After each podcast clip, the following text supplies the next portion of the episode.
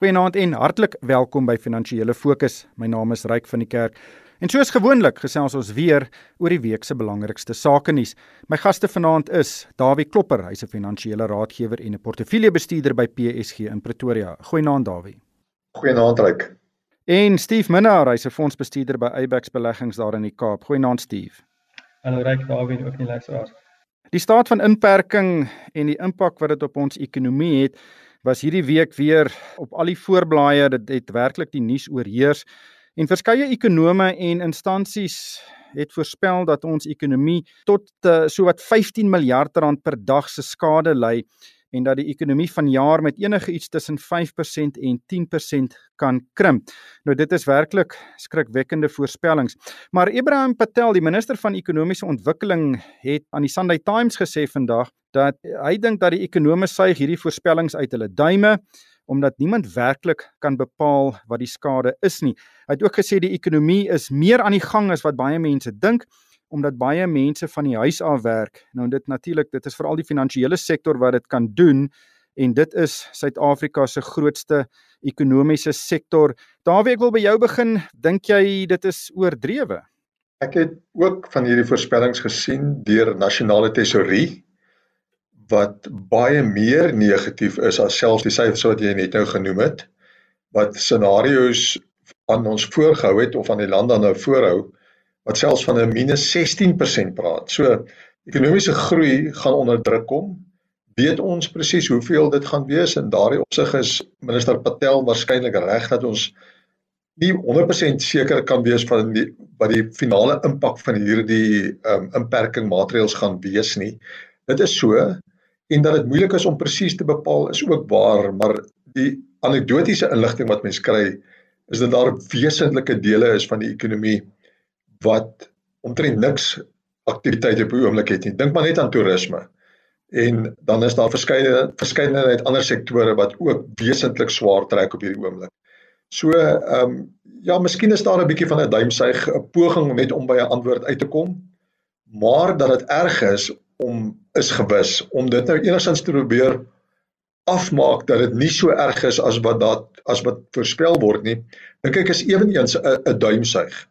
So ehm um, dis moeilik. Hierdie is 'n moeilike tyd en wêreldwyd het 'n klomp baie goeie ekonome en strateë al probeer voorspel wat aan die gebeur is. En die internasionale monetêre fonds het dit gedoen, die Wêreldbank het dit gedoen, gesaghebende organisasies het dit gedoen. En ek dink hulle is almal dit eens dat dit baie erg is. Steve, ek dink hierdie is 'n interessante scenario want ek dink nie Abraham Patel en die res van die regering bestuur die ekonomiese impak baie goed nie. Daar's soveel fokus om die verspreiding van die virus te verhoed en ek dink die regering doen 'n goeie uh, werk daar, maar ek dink die impak op die ekonomie is baie baie groter as wat dit kon wees. Ek dink daar is 'n tekort aan pragmatiese denke wat dalk sekere sektore so op 'n manier 'n bietjie meer kan help en daardeur die uh, ekonomiese impak kan verlaag. Ja, reg is baie moeilik soos Dawie sê, jy weet nie na watter syfer om te kyk nie. Ek dink vir die gemiddelde persoon weet nie eens hoe om 1 weet miljard rand te definieer of of hoe groot of hoe klein dit is relatief tot die grootte van die SA ekonomie nie. So ek dink om nou te stry of ons 15 of 20 of 100 miljard 'n dag op uitmis is eintlik irrelevant. Die feit van die saak is daar's geweldige nood. Suid-Afrika het 'n groot informele diensmag en daai mense sit sonder werk op hierdie stadium. Um, ons is eintlik ondersteun 'n klomp nie regeringsorganisasies wat kos uitdeel in die ehm um, weet in die informele sektor en hulle dit is soos een stem van almal vlug terug het gesê ons het nie idee hoe swak dit gaan en hoe sleg dit gaan in daai gedeelte van die ekonomie nie. So die feit dat ons finansiële dienste mense van die huis af werk ehm um, dit beteken dit beteken nie veel nie. Ehm um, so jy het 'n paar van sektore genoem, die mynbou sektor het ook stil gestaan die laaste paar paar weke en ons weet hulle die die die vermenigvuldigingsfaktor wat jy kry vir elke een persoon wat te werk het, maal jy met 10, 11 in terme van hoeveelheid mense kos op die tafel kry. So dit het 'n geweldige ekonomiese impak. As jy dan verwys na die minister, ek dink Suid-Afrika probeer vreeslik hard om ontwikkelingsekonomie te te bedryf, maar hulle is nie baie suksesvol daarmee nie. En ek dink op hierdie stadium is dit 'n botsing van ideologiese belange versus wat is pragmaties op die grond nodig om hierdie ding in die gang te kry. Want jy wil nie die bietjie ekonomiese groei of of aktiwiteit wat ons voor die tyd gehad het moet heeltemal stol nie, want om iets wat gestol het weer in die gang te kry, moet jy dubbel so hard werk. Ja, Uh, Dawie, ek is in die media bedryf uh, en ons kan ook sake doen, maar dis baie baie duidelik dat daar 'n baie groot afname in advertensie inkomste is. Nou dis natuurlik die lewensbloed van die bedryf. Uh, sommige publikasies het gesê hulle het uh, tot 'n 80% daling in inkomste gesien en verskeie uitgewers het salarisse gesny, sommige in hierdie maand in April reeds met 30%. Cosmopolitan het ook hierdie week aangekondig dat dit uh, sy deure gaan sluit. Dis een van die uh, groot tydskrifte in Suid-Afrika. Ek dink die punt is indien die aantal besighede beperk word wat hulle deure moet sluit, uh, dan gaan die impak op die ekonomie minder wees. Maar die oomblik as ons sien uh, duisende en duisende ondernemings speel bankrot, dan gaan ons selfs meer skrikwekkende syfers kan sien uh, as ons nou na die BBP groei vir die jaar kyk. Ryk dink net aan die verlies aan belastinginkomste wat op die oomblik gebeur. Oral waar mense se salarisse gesny word, beteken dit hulle betaal minder salaris. Maatskappye maak minder wins, so hulle betaal minder maatskappybelasting. Aksiesbelastings word onder druk geplaas met die verbod op tabak en drankverkope. En dit is onbegryplik dat sekere van hierdie maatreëls bestaan of regulasies bestaan. En ek dink dit is die ander frustrasie wat ons het is dat ons nie altyd verstaan waartoe is die regering op pad en hoekom hulle seker van hierdie goed doen nie. So Steve sê hier's baie ideologie aan die gang en dit is waarskynlik twee bestelle wat teenoor mekaar opgestel word. 'n Kommunistiese ingryp in die ekonomie versus die vrye mark wat sy werk moet kry. Dit is Churchill wat gesê het as jy 'n vrye mark begin beperk, dan skep jy 'n swart mark. As jy 10000 regulasies maak, dan vernietig jy die respek vir die wet. En ek dink dit is wat aan die gebeur is ook hierso. Ja, ek dink self dat Ibrahim Patel met dalk met entrepreneurs gesels en nie net met raadgewers nie, veral van jou klein en middelslag ondernemings. Daar's regtig baie pyn wat daar ervaar word op die oomblik.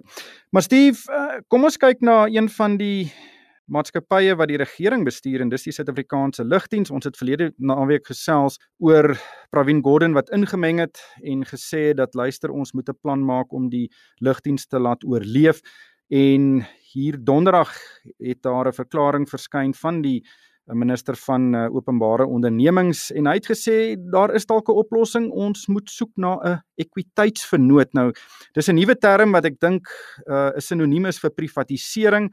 Uh, die regering wil natuurlik nie daardie term gebruik nie maar dit is wat dit is. Dink jy dit kan werk?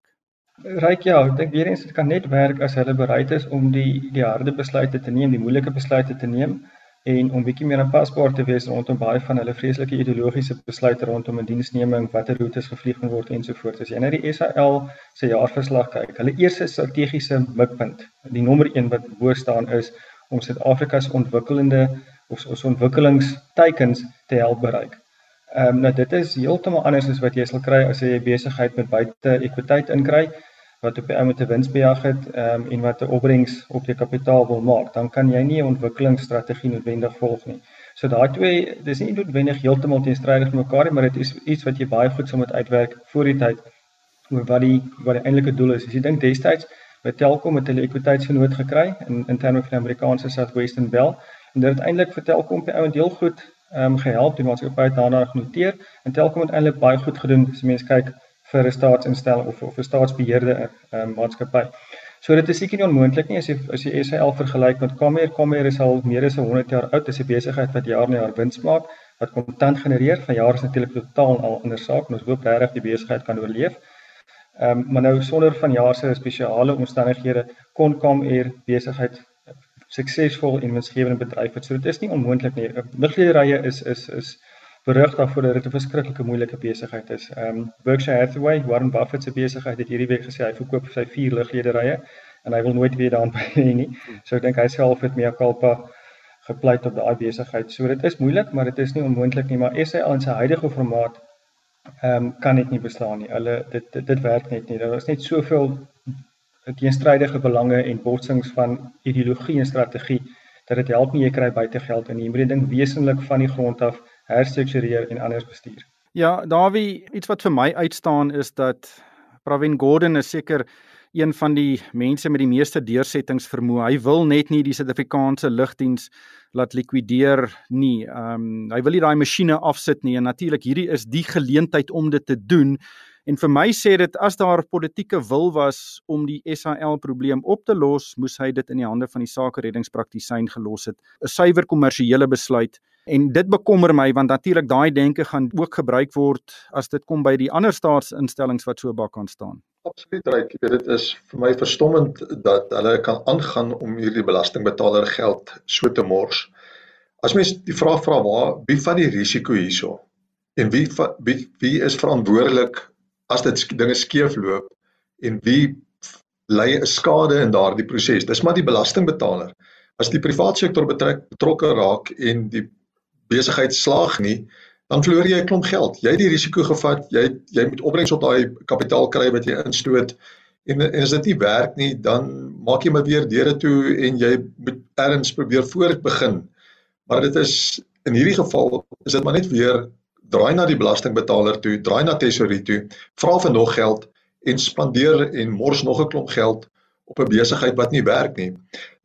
Ligrederye is in die moeilikheid wêreldwyd. Jy het nou Steve het nou genoem van Warren Buffett en Berkshire Hathaway wat hulle belange in hulle ligrederye verkoop. Virgin Atlantic is in die moeilikheid. Besighede wat bereid was om grootskaalse risiko self te neem, kry dit nie reg nie. Met baie kundigheid kry hulle dit nie reg nie. Hulle het geen ideologie van roetes wat hulle aan die gang moet hou om watter rede hulle dit moet doen nie. Weet ehm um, welke ja, ehm um, onverklaarbare redes hulle goed aan uh, aan die gang moet hou nie. En hulle kry dit nie reg nie. So as ons die risiko vir die vir vir Pravin Gordhan kon gegee het en gesê het, vat jou eie geld, begin die rig ligredery en dan sal ons jou ondersteun. Is 'n ander saak gewees. Hy gaan nie sy eie geld gebruik nie. Hy gebruik my en jou geld om 'n ligredery te begin wat ons nie wil hê nie. Ja, ek dink nog 'n baie goeie voorbeeld is Comair. Ek dink Comair het tot en met hierdie finansiële jaar vir meer as 70 jaar elke jaar 'n wins gemaak.